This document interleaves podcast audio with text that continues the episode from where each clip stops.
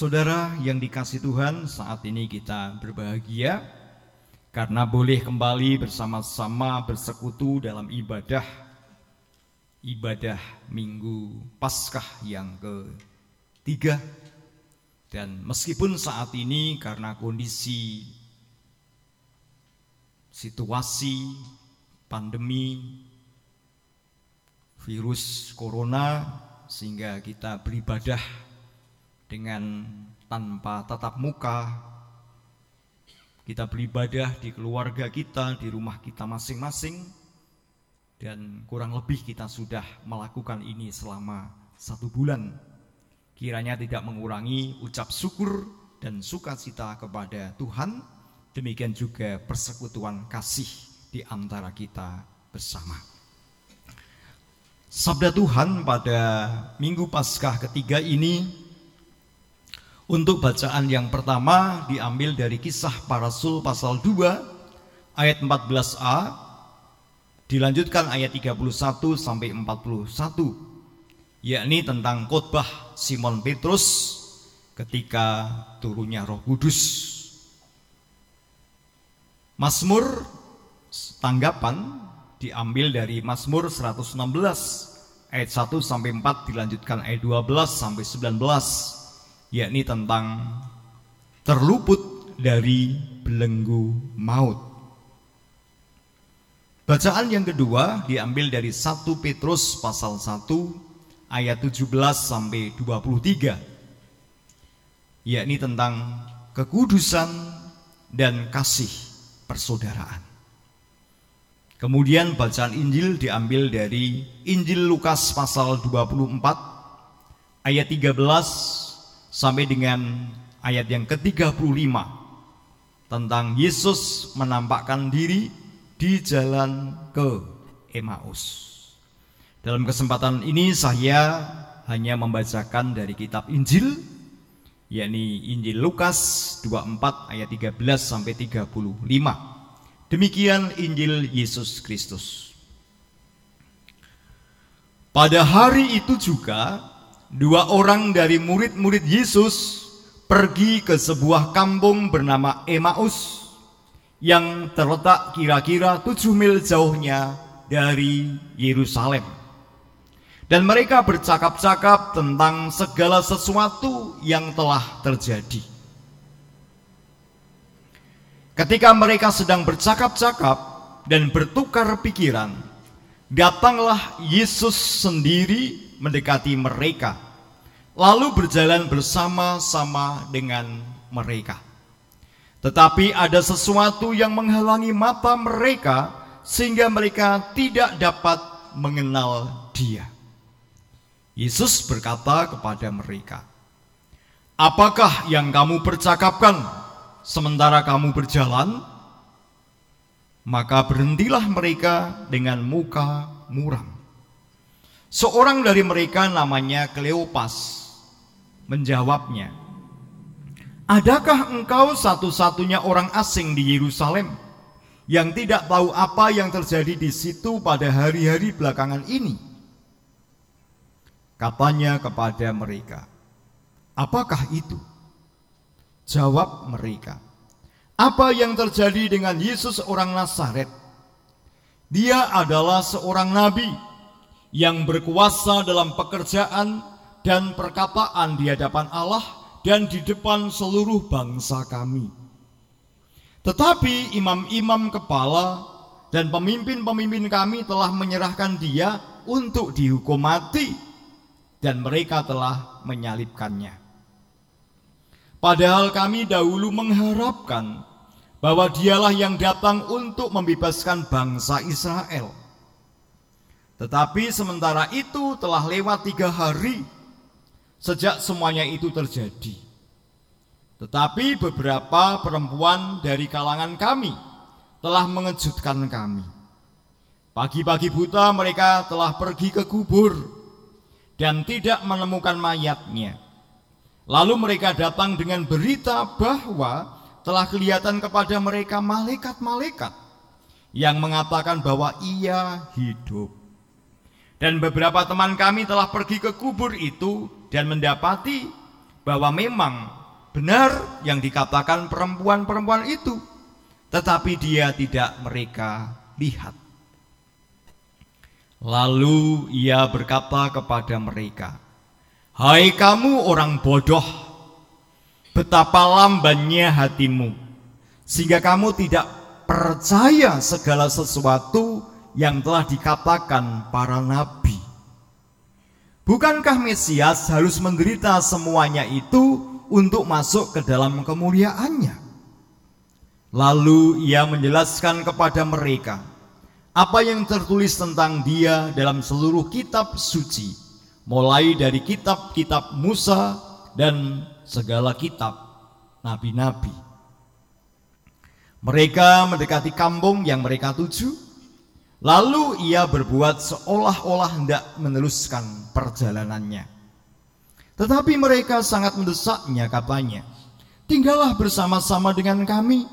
Sebab hari telah menjelang malam dan matahari hampir terbenam. Lalu masuklah ia untuk tinggal bersama-sama dengan mereka. Waktu ia duduk makan dengan mereka, ia mengambil roti, mengucap berkat, lalu memecah-mecahkannya dan memberikannya kepada mereka. Ketika itu terbukalah mata mereka, dan mereka pun mengenal dia, tetapi ia lenyap dari tengah-tengah mereka. Kata mereka seorang kepada yang lain, Bukankah hati kita berkobar-kobar ketika ia berbicara dengan kita di tengah jalan? Dan ketika ia menerangkan kitab suci kepada kita? Lalu bangunlah mereka dan terus kembali ke Yerusalem. Di situ mereka mendapati kesebelas murid itu. Mereka sedang berkumpul bersama-sama dengan teman-teman mereka. Kata mereka itu, sesungguhnya Tuhan telah bangkit dan telah menampakkan diri kepada Simon. Lalu kedua orang itu pun menceritakan apa yang terjadi di tengah jalan dan bagaimana mereka mengenal dia pada waktu ia memecah-mecahkan roti. Demikianlah Injil Yesus Kristus. Yang berbahagia adalah mereka yang mendengarkan firman Allah dan yang memeliharanya. Haleluya.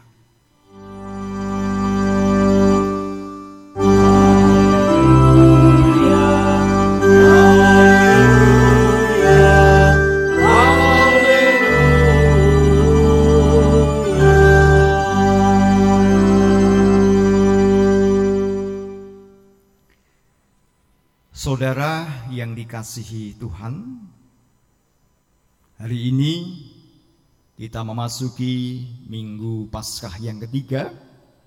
Firman Tuhan yang akan kita dengarkan, kita terima diberi tema dibangkitkan untuk berkarya. Dibangkitkan untuk berkarya.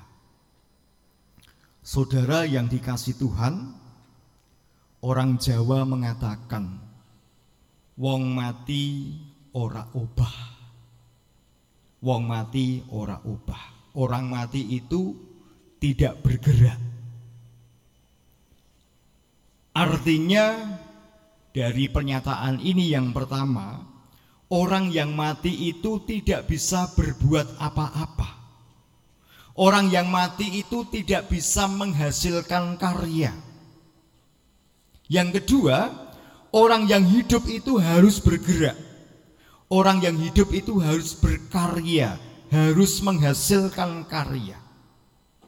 Jika orang yang hidup itu tidak berkarya, maka sama seperti orang mati. Hidup tetapi mati.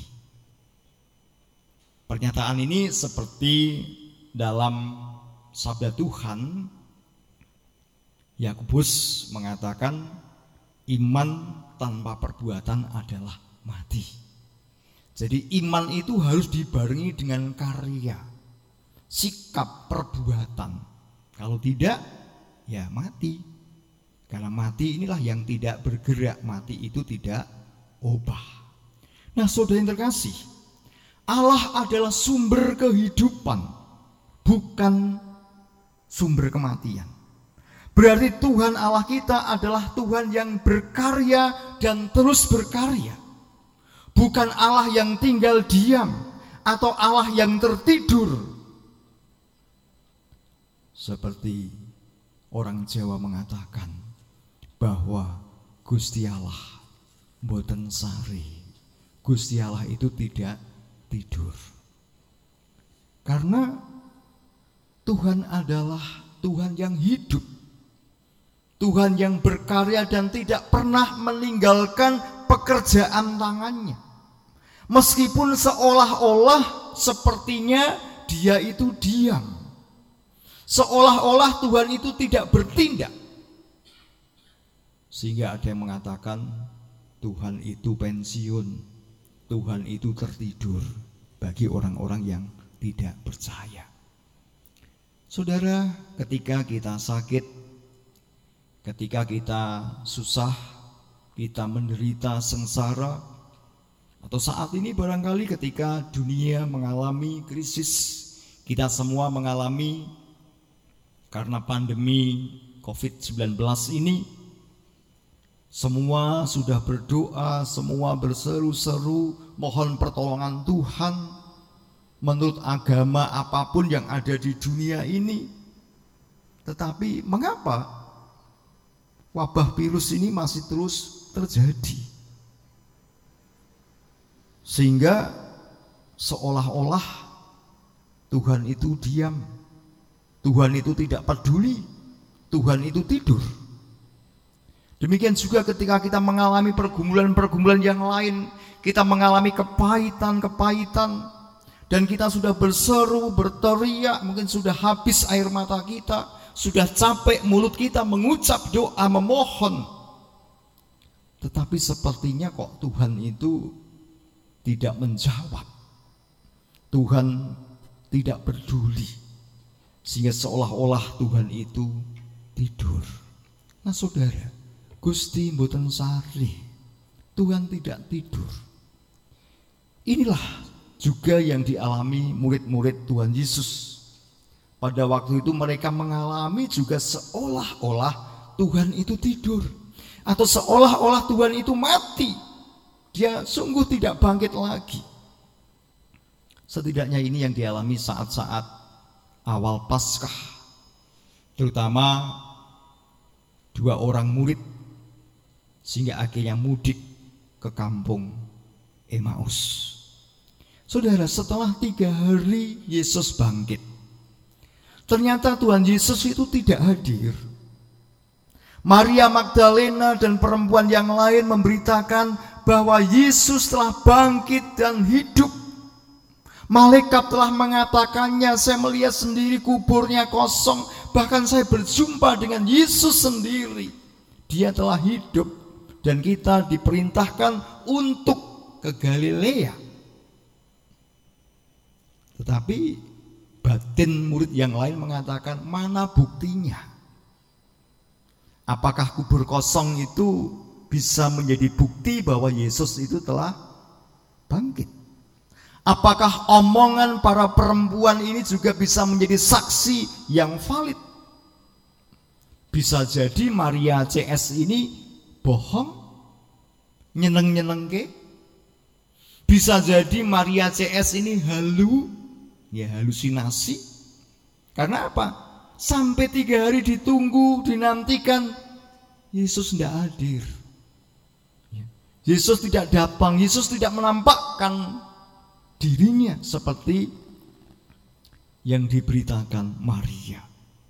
Sehingga Yesus seolah tetap mati, Yesus diam, tidak bergerak. Maka Bapak Ibu Saudara pesan malaikat dan Tuhan Yesus sendiri tidak dipercayai oleh para murid dan karena itu tidak dilakukannya. Pertama, mereka tidak percaya bahwa Yesus itu telah bangkit dan hidup. Demikian juga mereka tidak pergi ke Galilea. Mereka tetap menanti di Yerusalem. Padahal diperintahkan segera ke Galilea supaya bisa bertemu dengan Yesus. Nah, saya terkasih, ternyata dari bacaan Injil tadi kita bisa melihat yang pertama para murid belum percaya bahwa Yesus bangkit dan hidup. Yang kedua, para murid tetap di Yerusalem. Jadi dia tidak menuruti, tidak patuh pada perintah Tuhan karena belum percaya, tidak percaya. Dan yang ketiga, akhirnya setelah tiga hari tidak ada perkembangan yang diharapkan mereka membubarkan diri. Dimulai dari murid ring kedua, Kleopas dan yang lainnya. Mereka mudik pulang kampung karena sudah tidak ada yang diharapkan lagi. Nah, saudara, situasi inilah yang membuat dua orang murid Tuhan Yesus tadi mudik ke Emmaus. Apalagi mungkin dua murid ini bukan kelompok 12 murid yang telah menjadi 11 murid karena yang satu telah mati yakni Yudas Iskariot. Dan barangkali tidak hanya dua orang murid tapi murid-murid yang lain ada yang bubar ke tempatnya masing-masing. Singkat kata dalam bacaan firman Tuhan tadi dalam perjalanan pulang, mereka masih diliputi oleh kedukaan.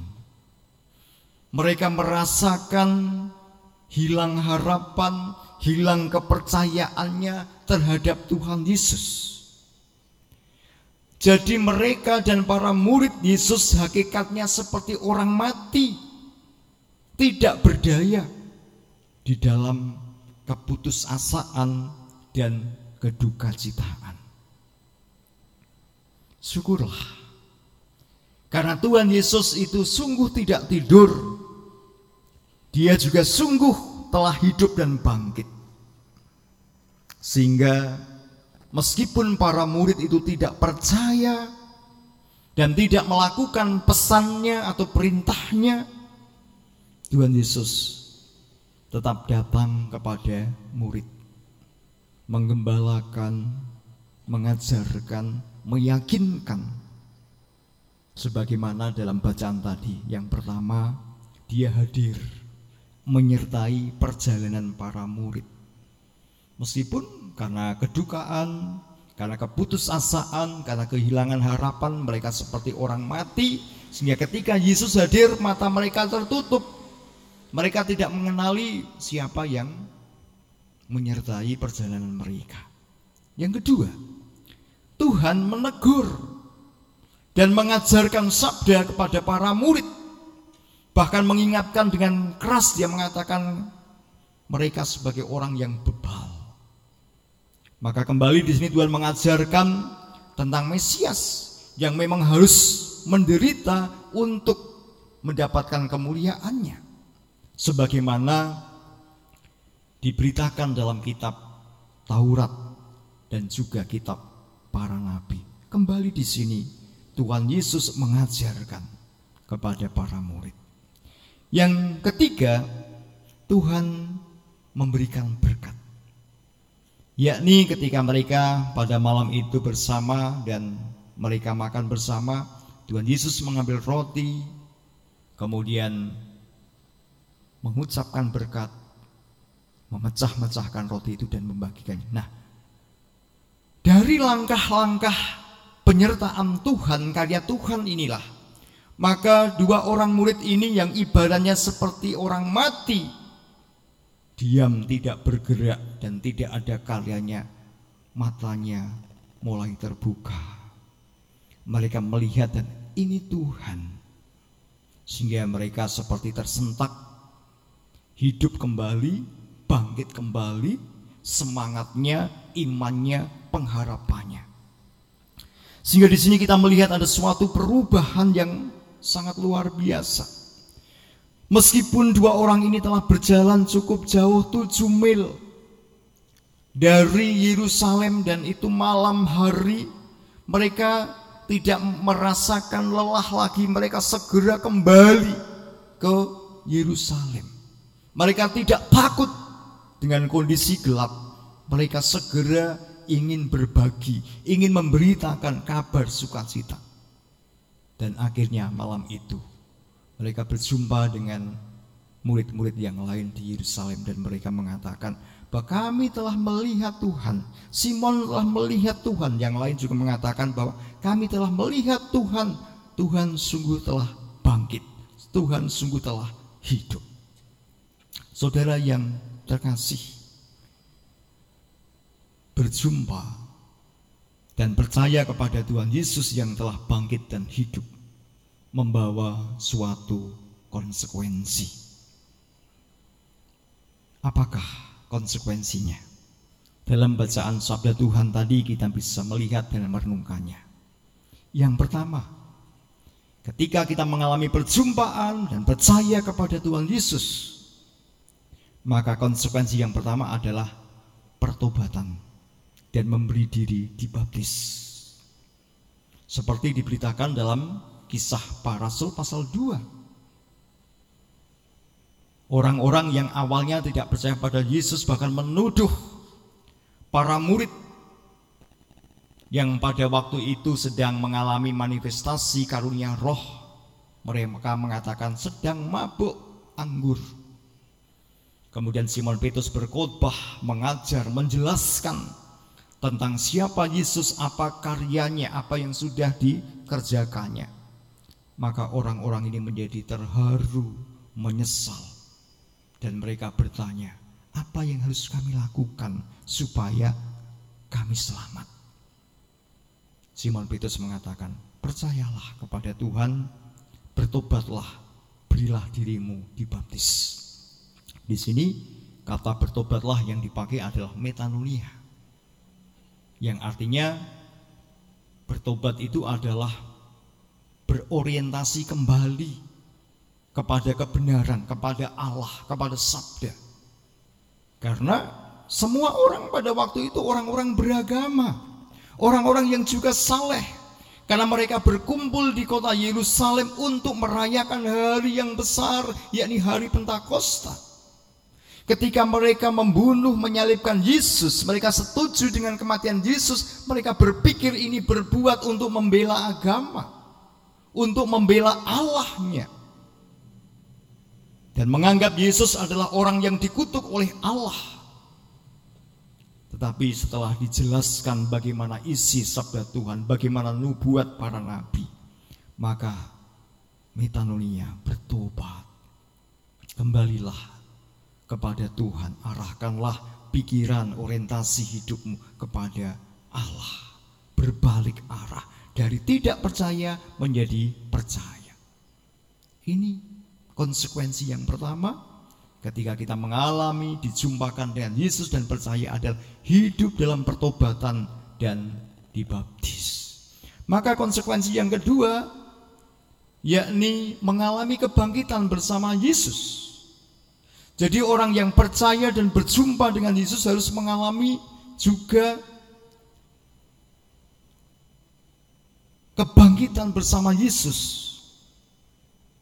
Jadi kalau Yesus telah mati dan bangkit maka orang yang percaya juga harus mati yakni menanggalkan dosa-dosanya dan juga harus bangkit yakni hidup bergerak dan berkarya bersama Kristus. Karena hidup itu berarti ada suatu pergerakan, ada suatu karya. Kalau mati tadi, wong mati orang ubah. Kalau orang mati berarti tidak ada karya. Maka ketika kita berjumpa percaya Yesus maka mengalami kebangkitan, kehidupan bersama Yesus. Dan yang ketiga, konsekuensinya adalah melakukan karya kebangkitan bersama komunitas dalam persekutuan, pelayanan, dan kesaksian. Melakukan karya kebangkitan bersama komunitas, yakni komunitas Kristus. Komunitas Kristus itu apa? Komunitas Kristus yaitu gereja. Karena gereja itu hakikatnya adalah tubuh Kristus. Kristus kepala gereja. Maka gereja itu tubuh Kristus. Maka ketika kita dijumpakan percaya Yesus mengalami kebangkitan, maka mari kita mengerjakan berkarya bersama kebangkitan Kristus dalam komunitas, yakni di dalam bentuk persekutuan, pelayanan, dan kesaksian. Maka konsekuensi inilah dua orang murid akhirnya kembali ke Yerusalem. Kembali kepada komunitas Kristus. Karena ada pekerjaan, yakni karya misio Kristi yang harus dikerjakan. Apa itu? Misalnya ketika mereka berkumpul bersama itu menantikan kuasa Roh Kudus. Kemudian setelah kuasa Roh Kudus hadir, maka mereka menjadi saksi dan itu sudah diberikan contoh dan teladan oleh Simon Petrus sehingga dia berani berkhotbah, berani bersaksi, berani mengajarkan tentang kebenaran karya Allah di dalam Kristus. Di dalam surat Petrus 1 Petrus ayat 1 tadi juga Simon Petrus mengingatkan mengajarkan kepada jemaat pentingnya kasih dalam kebersamaan. Iman, pengharapan dan kasih. Dan kasih ini utama. Kasih ini penting untuk diwujudkan, diekspresikan dalam kehidupan bersama komunitas. Tidak hanya komunitas orang-orang percaya, tidak hanya komunitas Kristus, tetapi kepada semua orang. Kasih itu harus dinyatakan. Nah, saya terkasih, semangat inilah yang harus kita wujud nyatakan di dalam iman kita akan kebangkitan Tuhan Yesus Kristus. Tuhan Yesus yang telah bangkit, membangkitkan kita membangkitkan para murid yang pada waktu itu terpuruk dalam kedukaan, dalam kesusahan, dalam kehilangan harapan. Tetapi kebangkitan Tuhan Yesus telah membangkitkan mereka. Sehingga semangat mereka hadir kembali, iman mereka hadir kembali, pelayanan, persekutuan, kesaksian, karya-karya mereka luar biasa. Maka di sini kita merenungkan dibangkitkan untuk berkarya. Jikalau kita mengimani bahwa Yesus sungguh telah bangkit dan hidup, maka kita bukan orang yang mati. Karena siapa yang percaya akan hidup, dan orang hidup berarti orang yang obah dalam bahasa Jawa, orang yang bergerak, orang yang berkarya. Maka harus dilihat apa karya kita, apa hasil karya kita, baik sebagai pribadi, demikian juga sebagai gereja. Dalam persekutuan, dalam pelayanan, dalam kesaksian. Apakah itu sudah kita nyatakan? Saat ini kembali kita bersama-sama merefleksikan kondisi keprihatinan kita. Wabah virus corona yang sudah berapa bulan ini kita alami dan belum ada pernyataan yang pasti kapan akan berakhir. Masih lama atau tinggal sesaat? kita juga belum tahu meskipun sudah ada prediksi-prediksi yang menyenangkan. Namun Bapak Ibu Saudara kasih yang terpenting dalam peristiwa keprihatinan kita, kita tetap diingatkan oleh sabda Tuhan ini bahwa iman dan perjumpaan kita dengan kebangkitan Kristus itu akan membangkitkan kita. Artinya di tengah-tengah situasi keprihatinan kondisi seperti ini kita tidak kehilangan harap. Kita tidak kehilangan semangat. Kita tidak kehilangan keyakinan. Sehingga kita mengatakan Tuhan tidur Gusti Allah sari. Tidak. Tuhan tetap hadir menyertai perjalanan hidup kita. Tuhan hadir menyertai perjalanan masyarakat kita, bangsa kita. sebagaimana Tuhan hadir menyertai dua orang murid yang berjalan ke Emmaus. Namun kadang-kadang kita tidak merasakan, kita tidak ngeh. Mata hati kita tertutup. Padahal Tuhan mendampingi kita, mengajak dialog dengan kita. Dia mengajarkan kebenaran-kebenaran sabda tentang kenyataan hidup ini kepada kita. Dan sering kali kita tidak menyadari. Seringkali kita menjadi sadar terbuka dan bangkit kembali ketika kita merasakan berkat. Seperti dua orang murid ketika Tuhan Yesus memecah-mecah roti dan membagikan berkat dan baru mereka sadar, oh inilah Tuhan. Maka dari firman Tuhan ini tentu kita tidak menunggu ke sana. Karena berkat Tuhan terus dilimpahkan dinyatakan kepada kita. Karena dari peristiwa saat ini pun ada hikmat yang bisa kita dapatkan, ada makna yang bisa kita ambil. Kita diingatkan bahwa hidup itu sangat berarti. Ternyata kematian itu sesuatu yang memprihatinkan. Kematian itu bahkan menakutkan bagi banyak orang. Maka ketika kita masih diberikan kesempatan hidup, artinya mari kita obah. Mari kita berkarya sehingga di sinilah dalam keprihatinan kita disadarkan, mari bangkit dan berkarya. Apa? Komunitas kita bangun, komunitas kita tumbuhkan dengan kasih, dengan kebersamaan. Meskipun kita berbeda-beda dalam konteks berbangsa dan bernegara, perbedaan agama, perbedaan suku, pilihan politik dan seterusnya. Yang mana sering kali terjadi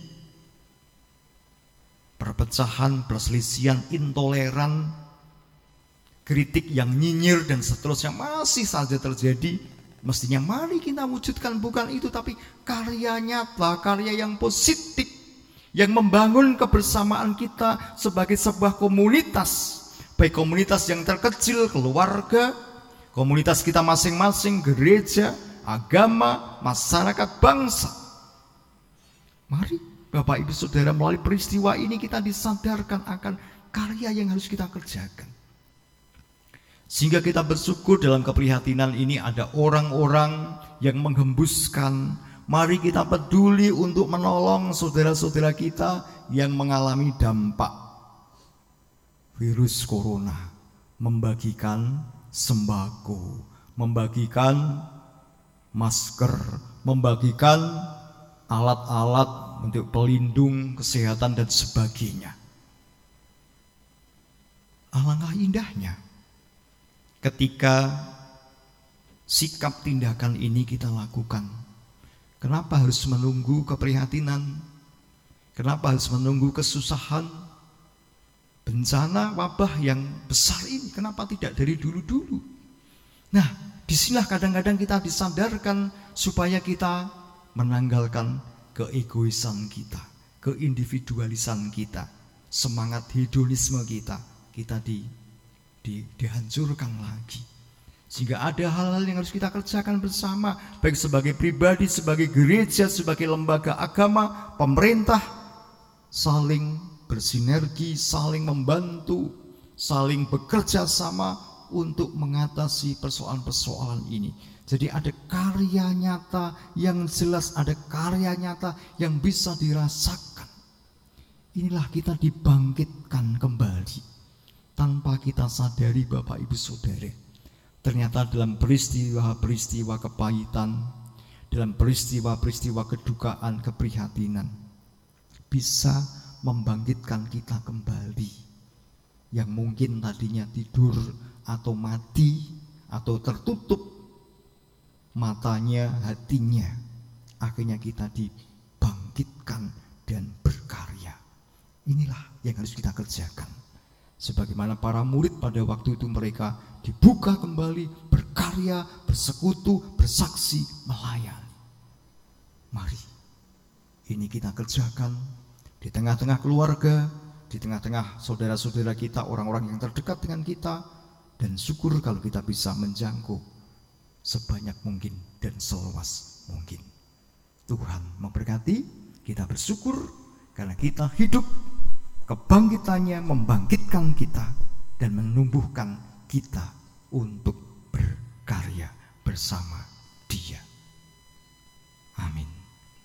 Satning bagi kita sekalian.